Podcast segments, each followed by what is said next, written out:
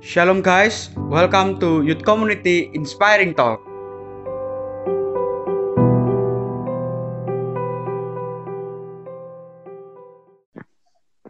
Shalom teman-teman. Ya, jadi kembali lagi bersamaku sebenarnya Nael di Inspiring Talk yang ke-10 ya, yang ke-10. Ya, jadi seperti biasa aku di sini ditemani sama teman aku, Cenita Rosita. Halo semuanya. Halo, C. Heboh banget ya aku. Nggak apa-apa, C, biar seru. Kan Karena topik hari ini aku excited banget sih. uh, Wah. Kenapa, C? Kenapa kok excited hari ini? Karena uh, mungkin ini temanya related banget sama anak-anak yang ya di ranah SMP, SMA, kuliah lah ya. Oh, yang remaja-remaja gitu ya, C. Oh, yang lagi panas, yang sering dibahas. Oh, eh. Tentang apa, C? Kita mau bahas apa ini? Kan kita sudah kemarin sudah pernah bahas tentang kebiasaan buruk. Terus minggu lalu kita bahas tentang pergaulan yang buruk. Nah, kira-kira Ya. apa lagi nih? Uh, tetap di topik yang sama tentang to toxic, Hmm. tapi ranahnya udah berbeda nih. Oh, Kita ranahnya di relationship. ush. Tentang hubungan ya, C ya. Iyalah hubungan. Jadi kalau sebenarnya buat anak-anak muda kan condongnya kalau dengar tentang toxic relationship kan jatuhnya kan ke pacaran. Oh iya. Padahal dulu tentang pacaran, Fen. Hmm, Ada kadang bisa jadi tentang diri sendiri, tentang sama keluarga, sama bahkan sama punya hubungan yang buruk pun sama Tuhan juga itu bisa dikatakan sebagai toxic relationship sih. tapi kira-kira kita mau bahas yang mana nih? Kan kalau misalnya kita bahas semua kan mungkin podcastnya bisa jadi satu jam lebih aja, dua jam mungkin ya. Kalau kita bahas semuanya. Kira-kira kita mau bahas yang mana ini, Ci? Enaknya yang mana? Steven mau pengennya yang mana? Kalau yang Oh. lagi hot sih, Oh, menurut kalau aku sih mungkin dia. lebih pengen itu sih kan kayak lagi kan ngomong berhubungan dengan remaja. Remaja SMP SMA aku mulai merasakan benih-benih cinta. Wih, Wes. Jangan-jangan kamu Gila, juga dulu sih ada kan ya namanya SM aku kan anak SMA ya wajar sih. Kita bahas itu aja sih yang hubungan sama pacar. pacar lawan jenis, lawan jenis. Iya, Bukan lawan pacar, jenis. lawan jenis. Ya pacar bisa sih. Kan belum sah ya. Belum sah jadian. Iya. Iya, bener sih. Hmm, Berarti kita bahas itu aja, toxic relationship tentang yang kita kita khususkan yang ke pacaran ya, Ci, ya. oh, kok pacaran? Hubungan? Eh salah. Apa? Hubungan lawan jenis. Iya. Hubungan lawan jenis, iya, kan belum tentu pacar. Iya. Iya, belum tentu pacar kan? Oke, oke, oke. Eh, kamu kamu sendiri, Van, kamu punya pengalaman apa nih tentang hubungan sama lawan jenis? Pernah sih kalau hubungan spesial. Itu ini diceritain tadi. Iya, iya dong. Ya, cerita singkat aja. Eh, ya, aku pernah pacaran waktu SMP itu ya. Gila, SMP. SMP udah pacaran aku sih. Gila. Ya, tapi sekarang udah enggak dan sekarang masih sendiri-sendiri aja. Hmm. Lalu eh dalam masa pacaranmu, menurutmu pacaranmu gimana, Van? Hmm, menurutku sih normal-normal aja ya. Ya aku Normal selalu lah. Pacaran aku yang sih- dikatakan normal nih gimana? ya seperti pacaran biasa jalan, nonton. Tapi nggak sampai kayak gandengan apa itu ya enggak sih. Jadi kan kan ya cuman jalan nonton terus makan berdua gitu sih. Kamu malu-malu nggak sih, Van, kalau misalnya eh, ketemu waktu di sekolah? Kamu sekolah, satu sekolah bareng nggak sih? Satu sekolah satu kelas ya dulu sih. Makanya bisa malu sih? Nah, Malu-malu nggak sih?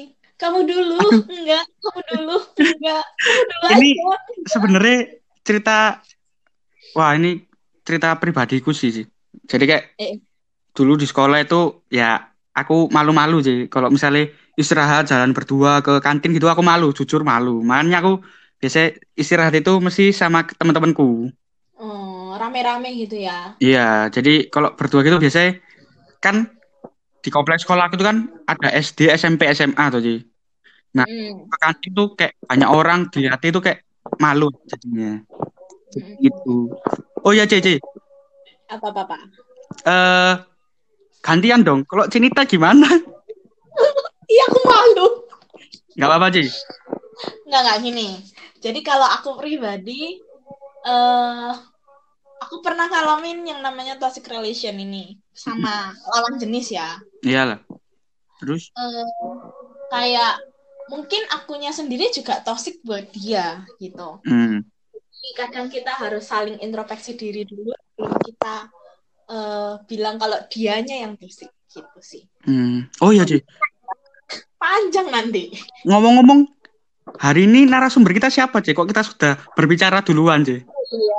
Kita enggak ada narasumber, kita mau bercerita uh, berdasarkan uh, kisah. Oh iya benar. Jadi narasumbernya ya kita berdua ya, Ci ya. Iya dong. Ada Steven dan ada Nita. Wah, siap. Nah, terus kalau menurut Cece nih, uh, menurut Cece itu toxic relationship itu yang gimana, Ci? Kalau buat aku pribadi ya, Ben, toxic relationship. Karena toxic kemarin pada uh, yang sama Bu Ida waktu episode-episode sebelumnya udah dibilang kalau toxic itu beracun. Bisa dikatakan kalau toxic relationship ini mungkin uh, hubungan yang apa ya ngasih impact buruk sama kita. Hmm. Contoh ya, contoh misal uh, ada cewek punya pasangan cowok ya jelas lah cowok cewek lah. Cewek yeah. ini cewek ini ya Van uh, nuntutnya 24 jam harus chattingan terus sama si cowok. Kalau menurut aku itu udah toxic. Hmm. Jadi kayak Kenapa sih? Kenapa sih kok bisa toxic? Iya dong, sekarang gini, kamu mau emang punya pacar, terus mintanya di chat di chattingin terus terus minta diperhatiin terus kan ya kita kan juga punya kehidupan di. Luar dia dalam ya, arti kan kita kan masih pacaran nih ya kan kita kan masih pacaran jadi buat aku pacaran mm -hmm. bener bener masa masa masa kita buat uh, kok boleh jadi bahas pacaran ya jadi gini nih pacaran itu adalah uh, masa masa di mana kita kan nyiapin diri buat ke jenjang pernikahan nih, ya kan? Tujuan endingnya kan pernikahan. Oh, iya iya. Nah, untuk menyiapkan pernikahan ini kan kalian harus prepare diri kalian dalam arti mulai uh, yang minim lah, bukan minim dalam arti yang bertanggung jawab. Setidaknya kan sekolah harus selesai, sekolah harus bagus dulu nih. Terus kalau mm -hmm. sudah sekolah sudah yeah. dulu, kalian harus ke jenjang uh, perkuliahan perkuliahan lulus kalian harus menata baik itu finansial, emosi kalian dan kehidupan-kehidupan yang membutuhkan apa ya upgrade untuk diri kalian gitu loh. Jadi kan nggak melulu 24 jam harus chatting sama pacar kan. Ada masanya kalian harus buat yeah. diri kalian gitu sih. Makanya kenapa kalau ada cewek yang minta cowoknya chatting 24 jam secara terus-menerus itu kalau buat aku ya itu pacaran yang toksik. Hmm. Panjang loh ya pertanyaanmu satu. Kalau oh, kamu Oke okay, oke okay, Uh, eh, toxic relationship tadi uh, setelah aku belajar dari yang kemarin-kemarin, toxic itu pokoknya yang berimpact buruk kepada kita dan orang lain. Jadi kalau toxic relationship itu mungkin ya hubungan dengan sesama yang berdampak buruk bagi aku dan bagi orang lain. Jadi kalau misalnya kita berpikiran bahwa kita menjalin hubungan terus itu sudah membuat kita menjadi lebih tidak next level atau lebih buruk tidak lebih baik itu berarti toxic relationship. Jadi tinggalkan aja kan itu menjadi dampak buruk bagi kita dan bagi sesama kita. Gitu Jay oke. Kamu sendiri pernah nggak sih Van terjebak dalam toxic relationship itu sendiri? Hmm. Kalau dari yang cerita ceritain tadi pernah sih Jay yang apa minta di chat terus. Takutnya nanti dia mendengar kan nggak enak sih jadi nggak usah sih nggak usah dibahas. Langsung aja. Oke oke oke lanjut lanjut lanjut nah, lanjut kalau menurut Cenita nih uh, kenapa nah. sih seseorang bisa terjebak di dalam toxic relationship ini yang pertama karena orangnya mau mungkin ya Fen ya hmm. contoh simpel nih ya mungkin nggak mungkin ini pra, ini yang pernah aku alamin sih mm -mm. jadi aku sama satu cowok ini Terus habis gitu karena aku sukanya totalitas dalam arti 100% aku percayain semua hatiku aku percayain semua ke dia Siap. Jadi iya dong. Tapi sebenarnya nggak ya, boleh bener, sih bener nggak apa-apa. Terus habis itu uh, jadi kalau hmm, misalnya hmm, iya sih. tolong apa, terus habis gitu, oh kalau kamu nggak bisa, ya udah, aku bisa sendiri. Kayak kayak gitu itu karena kitanya mau mau digituin, paham nggak? Yang pertama mungkin karena kitanya mau digituin. Hmm. kedua mungkin juga bisa jadi karena banyak nih teman-temanku sih. Aku lihat dari teman-temanku ya. Karena sudah menjalani hubungan sudah lama. Alasannya kan ya kalau misalnya disuruh putus nih ya bukan disuruh sih. Kalau misalnya untuk putus dia memutuskan untuk berhenti dan nggak mau lagi ke toxic relationship ini dia eman eman itu kayak apa ya? Ya eman lah. Eman misalnya udah tiga tahun pacaran empat tahun pacaran dia mereka ngerasa eman untuk diputusin karena sudah jalan begitu lama. Dan menurut aku mereka eman bukan karena orangnya tapi karena memori yang mereka buat. Itu sih kalau dari aku Oh ya, Ben, tadi kan kamu juga sempat singgung-singgung kalau misalnya kita ada di toxic relationship, kita harus sudahi, maksudnya kita harus tinggalkan itu.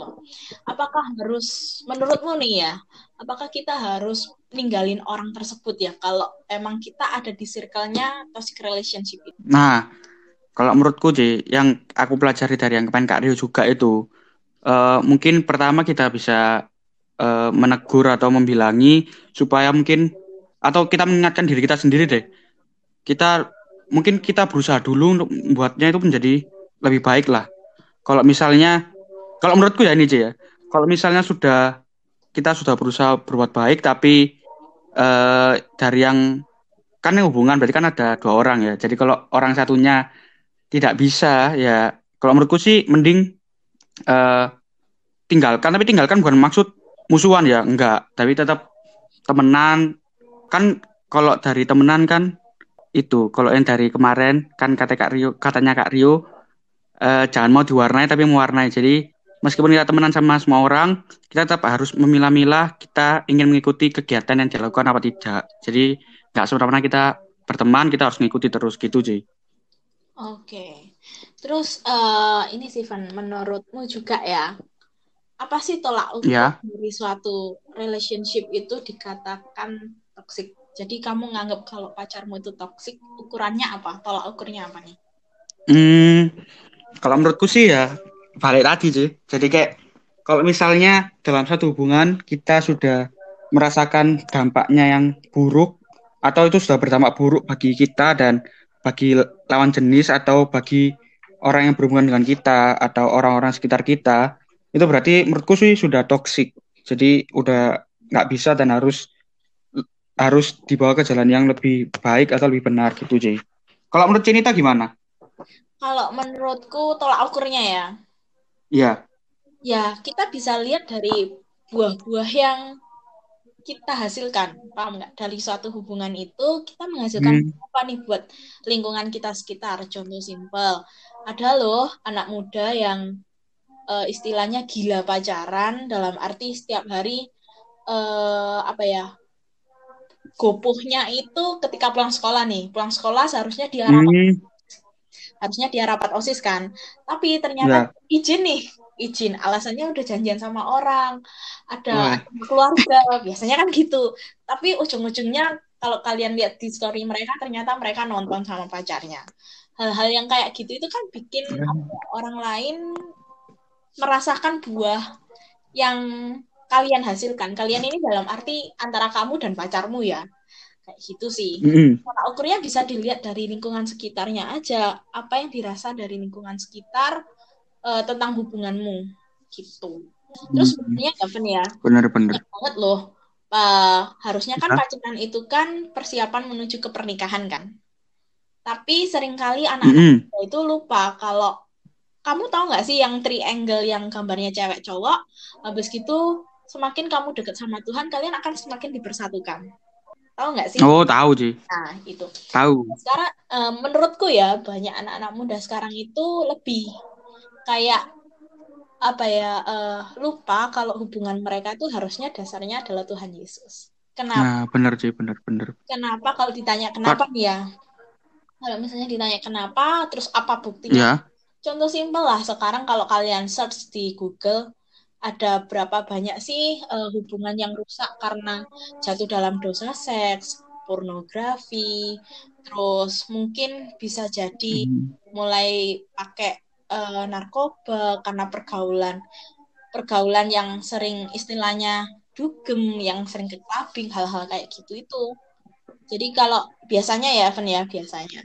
Biasanya Ya. itu kalau orang sudah kena eh, hal-hal yang kayak berbau duniawi seperti yang aku tadi sebutin, mereka bakal punya mental yang pemarah. Terus kalau misalnya kemauannya nggak dipenuhi, pasti ngancem. Gitu. Hmm. Oke, oke, Ci. Itu teman-teman. Jadi apa? Yang mendasari sebuah hubungan itu harusnya adalah Tuhan Yesus. Jadi kita melakukan segala sesuatu itu dasarnya tetap Tuhan. Gitu, teman-teman. Dan aku juga sering itu sih, Ci. Kayak punya teman gitu kalau misalnya mungkin kalau remaja sekarang itu mungkin agak banyak ya. Karena aku juga merasakan di teman-temanku mereka itu kalau misalnya nggak pacaran tuh kayak gimana gitu kayak SMA tapi nggak pacaran kayak harus aku mau pacaran jadi harus cepet-cepet nyari pacar gitu Ji kalau menurut tanggapan Cici gimana itu Ji Kalau aku malah gini, kamu tahu nggak sih mobil Lamborghini, mobil eh, apa ya, mobil Lamborghini, terus Mercy, mobil-mobil mewah, mereka nggak punya gandengan loh. Istilahnya mereka cuma satu Oh, iya? kan. Iya nggak? Kan analoginya kan kayak gitu. bener bener bener bener Truk, kamu tahu truk? Terus kamu tahu Ji mobil-mobil truk itu yang gandengan. Jadi gini, kalau menurut aku ya, sebenarnya kap- kalau ditanya nih yang menurutku, kapan sih mulai kita diperbolehkan buat pacaran? Kalau aku boleh jawab sekarang. Tapi ada syaratnya. Syaratnya kamu harus siap. Dan bukan karena lingkungan. Hmm. Kebanyakan kalau teman-temanku dulu ya waktu SMA, itu mereka juga kayak gitu sih, Ven. Kayak satunya pacaran, misalnya ya pacar mereka jadian. Sahabatnya satunya Hmm. jadian. Terus nggak lama, satunya lagi ikut jadian. Kalau ada yang putus, satunya putus, putuslah eh, sebelahnya lagi juga putus, kayak gitu. Jadi buat aku pacaran itu Hmm. yang di- bisa dibuat mainan, terus kayak aji mumpung. Oh, mumpung karena dia mau sama aku nih. Terus akhirnya aku pacaran sama dia. Sebenarnya kalau buat aku pacaran itu ada step-stepnya sih, Van. Pertama, mulai dari teman dulu. Kenapa kita harus mulai dari teman? Karena dari teman kita bisa lihat eh the real-nya dia sih. Ke kepribadian dia yang nyatanya gimana. Karena apa? Kalau Hmm. sudah pacaran pasti yang dikasihkan yang baik-baik dong. Terus kamu mau tahu Iya benar-benar. dia kapan? Ya waktu kalian temenan. Kalau kalian sudah temenan, kalian bisa jadi teman dekat. Teman dekat itu bisa dibilang sahabat juga bisa sih. Cuma sahabat itu lebih dalam lagi gitu. Kalau teman dekat, oke Hmm, sekali hmm. dua kali kalian pergi bareng sama teman-teman kalian, itu oke nggak masalah. Kalian chattingan, tapi bukan berarti kalian chattingan tiap hari ya. Karena Ya. eh, istilahnya, yuk jadi anak Tuhan yang punya nilai.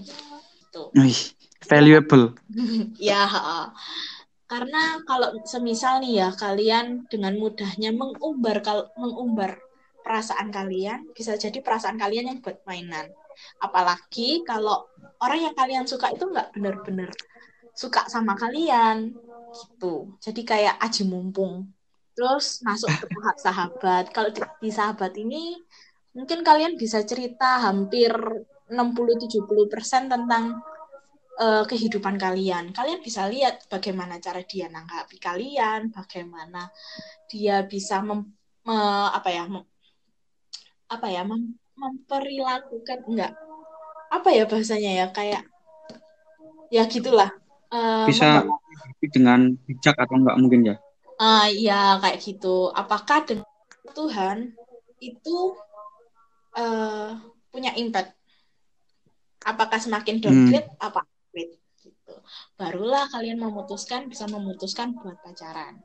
Dan orang orang sebenarnya ya, kalau kalian pengen lihat sifat aslinya, lihatlah dia ketika dia punya masalah dan dia terdesak. Pasti keluar sifat aslinya. Wih, siap, siap, siap. Ini Cenita kelihatannya ahli, mungkin ada pengalaman kan? Enggak dong. kalau pengalaman, Enggak ya, pengalaman, eh, kalau pengalaman sih ya, kalau aku sih ada. Nggak mungkin dong seusia aku Hmm. sekarang enggak. Soalnya aku dulu pun ya, Pen ya. please buat teman-teman yang dengerin ini jangan Ya. ditiru ya, karena ini nggak baik. Eh, sebenarnya waktu SMP itu kehidupanku adalah kehidupan duniawi banget. Tiap semester pasti dipanggil orang tuaku karena kasus.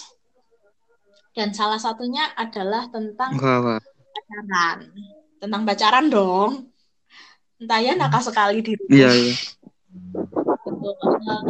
Eh, ya, sebenarnya kalau masa-masa kalian SMP pacaran itu kayak egonya kalian lebih tinggi. Kalian cuma sedang mencari perhatian. Istilahnya lebih suka diperhatiin, eh, terutama cewek ya. Terutama cewek. Dia cari perhatian terus Iya. pengen dapat pengakuan kayak kayak gitu sih. Gitu, Van. Hmm. Oh, nah, tadi berhubung cerita ngomong SMP ada pengalaman yang buruk, mungkin sebenarnya teman-teman minggu lalu Cenita bisa jadi salah satu ini harusnya narasumber toxic friendship ini. Waduh. Eh, kemarin narasumbernya Nah, jadi gitu ya, teman. Wah, udah sih. Kasihan. Jadi Iya, iya. Gitu, teman-teman. Jadi eh, seperti kata Cinta tadi, kita nggak usah buru-buru cari pacar. Eh, mungkin kalau teman-teman kita udah punya, kita nggak usah kayak merasa, wah aku nggak punya pacar, gimana gimana. Jadi nggak usah buru-buru. Yang penting kita harus selesaiin kewajiban kita dulu lah. Kan kalau misalnya kita pelajar, ya kita harus belajar dengan benar, lulus-lulus dengan baik. Lalu kalau kita kuliah, kita belajar supaya nanti lulusnya lan supaya apa ya pelajarannya lancar, terus lulusnya juga tepat waktu terus kita bisa bekerja gitu ya teman-teman. Jadi nggak usah terburu-buru. Oke, Van. Aku mau tanya nih sama Steven. Waktu Ya, dulu nih ya, waktu dulu Steven waktu eh, sempat menjalin hubungan sama si doi, Mm-mm. hal apa yang bikin kamu sangat-sangat apa ya risih banget? Risi, Iya risih. Kamu nggak suka kalau anak ini kayak gini. eh ya mungkin kayak kata-kata Cenita tadi mungkin ya. Jadi kayak harus hijat terus. Kayak eh ini jujur ya teman-teman. Ini kan dulu ya. Jadi dulu tuh doiku itu berbeda sama aku. Eh ya bisa dibilang berbeda apa ya? Berbeda keyakinan. Oh sudah Van, cuma gitu doang. Ya, Wah, jadi- aku kira kamu mau cerita tahu. oh enggak enggak sih. Iya. Jadi enggak sih. Jadi gini gini. Jadi apa kan berbeda ya. Tapi berbedanya nggak sampai yang berbeda gimana-gimana. Jadi kan dia tuh kayak minta diperhatiin terus. Padahal kan juga aku ada waktu sendiri. Kayak misalnya juga ada waktu untuk saat teduh, terus juga ada waktu me time atau gimana gitu lah, Ci. Ya, itu yang bikin risih sih, kayak harus di chat terus tiap hari gitu. Ya, emang tiap hari, cuman kayak tiap jam gitu harus chat terus gitu. Kamu punya ini nggak sih, Van? Eh, apa ya pasangan yang kamu contoh banget? eh kayak siapa ya? Eh kurang tahu sih aku sih. Jadi Ya, kalau iya aku ya, ya, aku aku pengennya eh, kamu tahu Aca Sinaga sama apa Andi Ambarita nggak? Oh tahu, tahu tahu. Dia itu keren loh, Van, kalau menurutku ya. Kenapa Eh, sih? Karena mungkin ya, mungkin. Aku nggak tahu pastinya ya. Setiap hubungan itu pasti punya toksiknya sendiri-sendiri. Cuma Hmm. bagaimana kita eh, apa ya melihat dan menghadapinya itu kan respon respon orang kan berbeda-beda nih.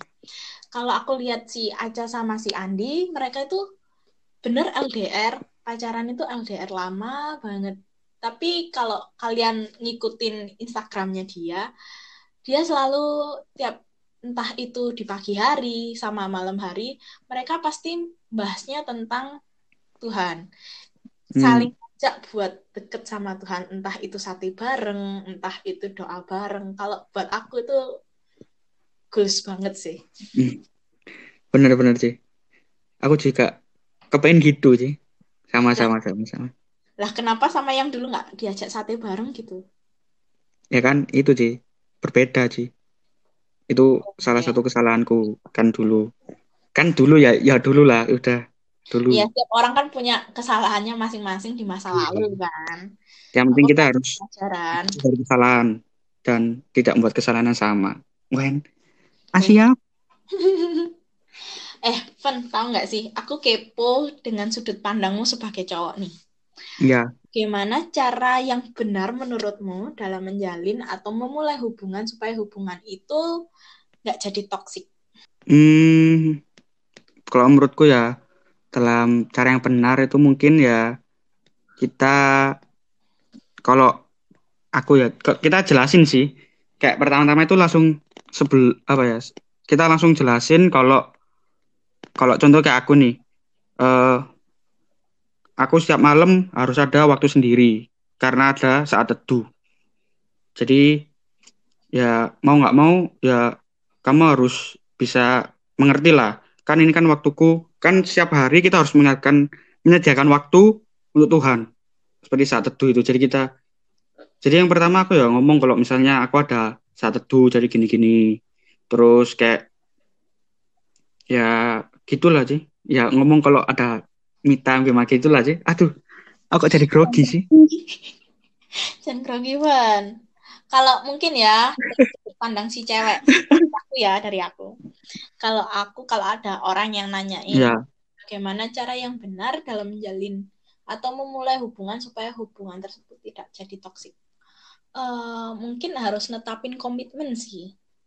Bikin komitmen. Hmm, bener bener bener bikin komitmen bersama dan pastiin komitmenmu itu bisa kamu jalankan. Jangan sampai kamu bikin komitmen tapi kamu langgar juga. Maksudnya kamu nggak ngelakuin komitmen yang kamu bilang. Gitu. Itu udah jadi toxic hmm. buat aku loh ya. Hmm, berarti harus berkomitmen dia aja ya? Iya. Pastiin lagi ya balik lagi tujuan kalian pacaran apa. Terus tentuin. Langkah selanjutnya adalah tentuin uh, komitmenmu apa. Untuk terus tentuin lagi kamu bakal siap nikah di usia berapa. Ya istilahnya saling ngobrol kali ya. Biar bisa iya benar masing-masing gitu. Benar benar. Berarti yang pertama itu ya harus menetap, menetapkan komitmen teman-teman. Kalau misalnya supaya kalau kita sudah yakin terus supaya tidak toksik harus komitmen itu tadi nah eh, kalau menurut Cenita nih respon yang seharusnya kita berikan jika kita mungkin sudah terlanjur terjebak nih dalam toxic relationship gimana sih? Kalau aku pilihannya cuma dua. Kalian harus dengerin podcastku biasanya. jangan promosi, jangan promosi. Enggak, enggak. Pilihannya cuma dua. Teman-teman pilihannya cuma dua. Yang pertama, kalau buat aku, kalian mau lanjut, apa kalian mau diputus? Kalau lanjut, hmm. kalau kalian sudah tahu nih ya, kalian mau lanjut sama orang ini, karena kalian melihat ada potensi buat hubungan ini bisa berubah ke arah yang lebih baik. Ya, ayo kita obrolin sama-sama uh, salah kita di mana, kita saling breakdown hati lah. Tapi jangan saling menuduh ya. Ada pasangan yang bilangnya mau ke arah yang lebih baik, tapi saling menuduh. Pada akhirnya nanti kalian nggak nemuin titik terangnya. Contoh, misalnya, aku sering marah-marah nih sama pasanganku.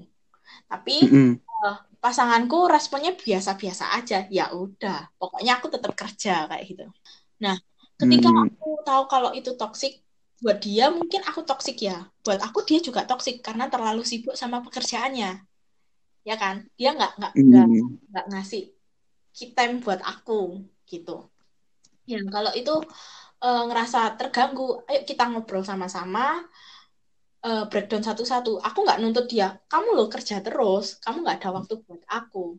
Itu udah nggak baik sih, Van. Jadi kalau mau breakdown hati, uh, breakdown hati masing-masing kalian. Jangan breakdown hati pasanganmu. Paham? Oh, benar, benar, benar. Dan itu hati kalian, kalian saling ngomong unek-unek kalian, terus uh, saling terbuka lah. Pacaran itu komunikasi. Komunikasi dan komitmen. Kalau buat aku kayak gitu kalau diputus satu kalian harus mantep dulu nih kalian putus karena kalian melihat uh, pasanganku bukan pasangan sih hubungan ini nggak bisa nggak bisa lanjut karena satu dua hal yang emang kalian nggak bisa toleransi gitu hmm. tapi kalau kalian masih melihat ada ada apa ya ada kemungkinan untuk berubah. Ayo berubah sama-sama. Ayo kita perbaiki bareng-bareng. Karena hubungan itu dibangun dua orang dan bukan cuma satu. Kalau satu namanya perjuangan. Wah. Kalau dua orang itu hubungan. Yang diperjuangin hubungannya. Kalau satu orang ya perjuangin diri kalian dong. Gitu Pak Mantap, C. nah, ini mungkin kita juga sudah membahas banyak, terus kita juga udah lama nih, C. Mungkin Cece ada kata-kata nih atau pesan-pesan untuk teman-teman di luar sana. kok aku kan kalau buat aku buat teman-teman karena aku sedang menjalin hubungan dan lumayan lama dan aku pernah pernah eh, ada di titik di mana aku ngalamin toxic relation juga. Jadi kalau kalian mau pertama, kalau kalian mau keluar dari toxic relation kalian, tentuin kalian pilih mau lanjut apa diputus. Nggak ada nggak ada salahnya kalian untuk memilih putus karena satu dua hal yang nggak bisa kalian toleransi. Kalau diputus pun jangan ambil keputusan yang ge- gegabah tetapin hati dulu, kuatin hati dulu, dan tanya Tuhan. Tuhan mau mau uh, nentuin jalannya kalian ke mana? Mau mau balik lagi, mau diputus atau tetap lanjut itu tadi. Terus yang kedua, uh, breakdown hatimu. Jangan breakdown uh, jangan breakdown hati pasanganmu. Karena kalau kita saling menyakitkan satu sama lain kita nggak bakal nemuin titik terang. Selain itu kita bakal tetap di titik yang sama dan nggak akan maju ke depan. Itu sih. Terus yang terakhir jangan lupa setiap hubungan itu dibangun dasarnya Tuhan Yesus jangan sampai karena kalian uh, ikut-ikutan temen ikut-ikutan lingkunganmu ikut-ikutan tren itu nggak ada jaminan kalian akan lanjut sampai ke jenjang pernikahan sih jadi pastiin Tuhan Yesus ada di tengah-tengah kalian. Jadikan Tuhan Yesus center dari hubungan kalian. Dan yang terakhir, Siap. jangan lupa komitmen komunikasi. Itu penting sih kalau dalam hubungan. Karena cinta pun itu bukan modal yang cukup untuk menjalin sebuah hubungan. Siap, siap sih. Kalau Steven, Steven, Steven. Ah, ini itu ya, C. Uh, kalau dari aku sih, ini aku belajar dari salah satu apa ya bisa dikatakan salah satu pendeta atau pembicara yang sangat keren menurutku. Pester kali ya, bahasa keren. Oh ya, mungkin ya, ya, ya, pester. Nah, ya aku saya sebutin namanya. Aku ini belajar tentang tiga hal ini. Ada tiga poin yang aku pelajari. Yang pertama itu uh, sebelum kita mulai, ini juga bisa menjawab pertanyaan Cenita tadi yang uh, gimana cara kita memulai atau menjalin supaya tidak toksik yang tadi Ji. Jadi pertama itu uh, know each other, know each other as best friend. Waduh, medok. Jadi banget nggak apa-apa kali. Lanjut. kan biasanya tadi kata Cinita kan, uh, kalau kita punya pacar itu kan kita selalu ingin kayak menjadikan dia lebih baik atau supaya kita lebih baik. Nah, kalau aku dari belajar dari Pester ini, dia berkata bahwa kita itu nggak harus punya pacar karena kita karena dengan teman atau sahabat kita itu bisa saling menajamkan kayak yeah. yang di Alkitab bahwa besi menajamkan besi itu okay. terus pastikan kita mengenal sahabat kita. Jadi kan meskipun sebelum kita pacaran itu kita kan tadi kata cerita harus bersahabat dulu. Berteman bersahabat itu tadi. Jadi saling mengenal karakter kali ya. Ya kita harus mengenal karakternya dengan apa ya baik lah. Atau kita harus mau saling terbuka. Yang tadi kata Cinita itu yang penting itu kita harus terbuka.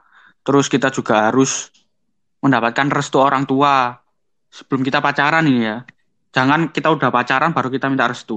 Itu nggak benar itu. Jadi harus sebelum kita minta restu baru kalau misalnya orang tua berkata iya baru iya. Kan soalnya tadi konteksnya kita bahwa pacaran ini adalah persiapan menuju pernikahan itu tadi.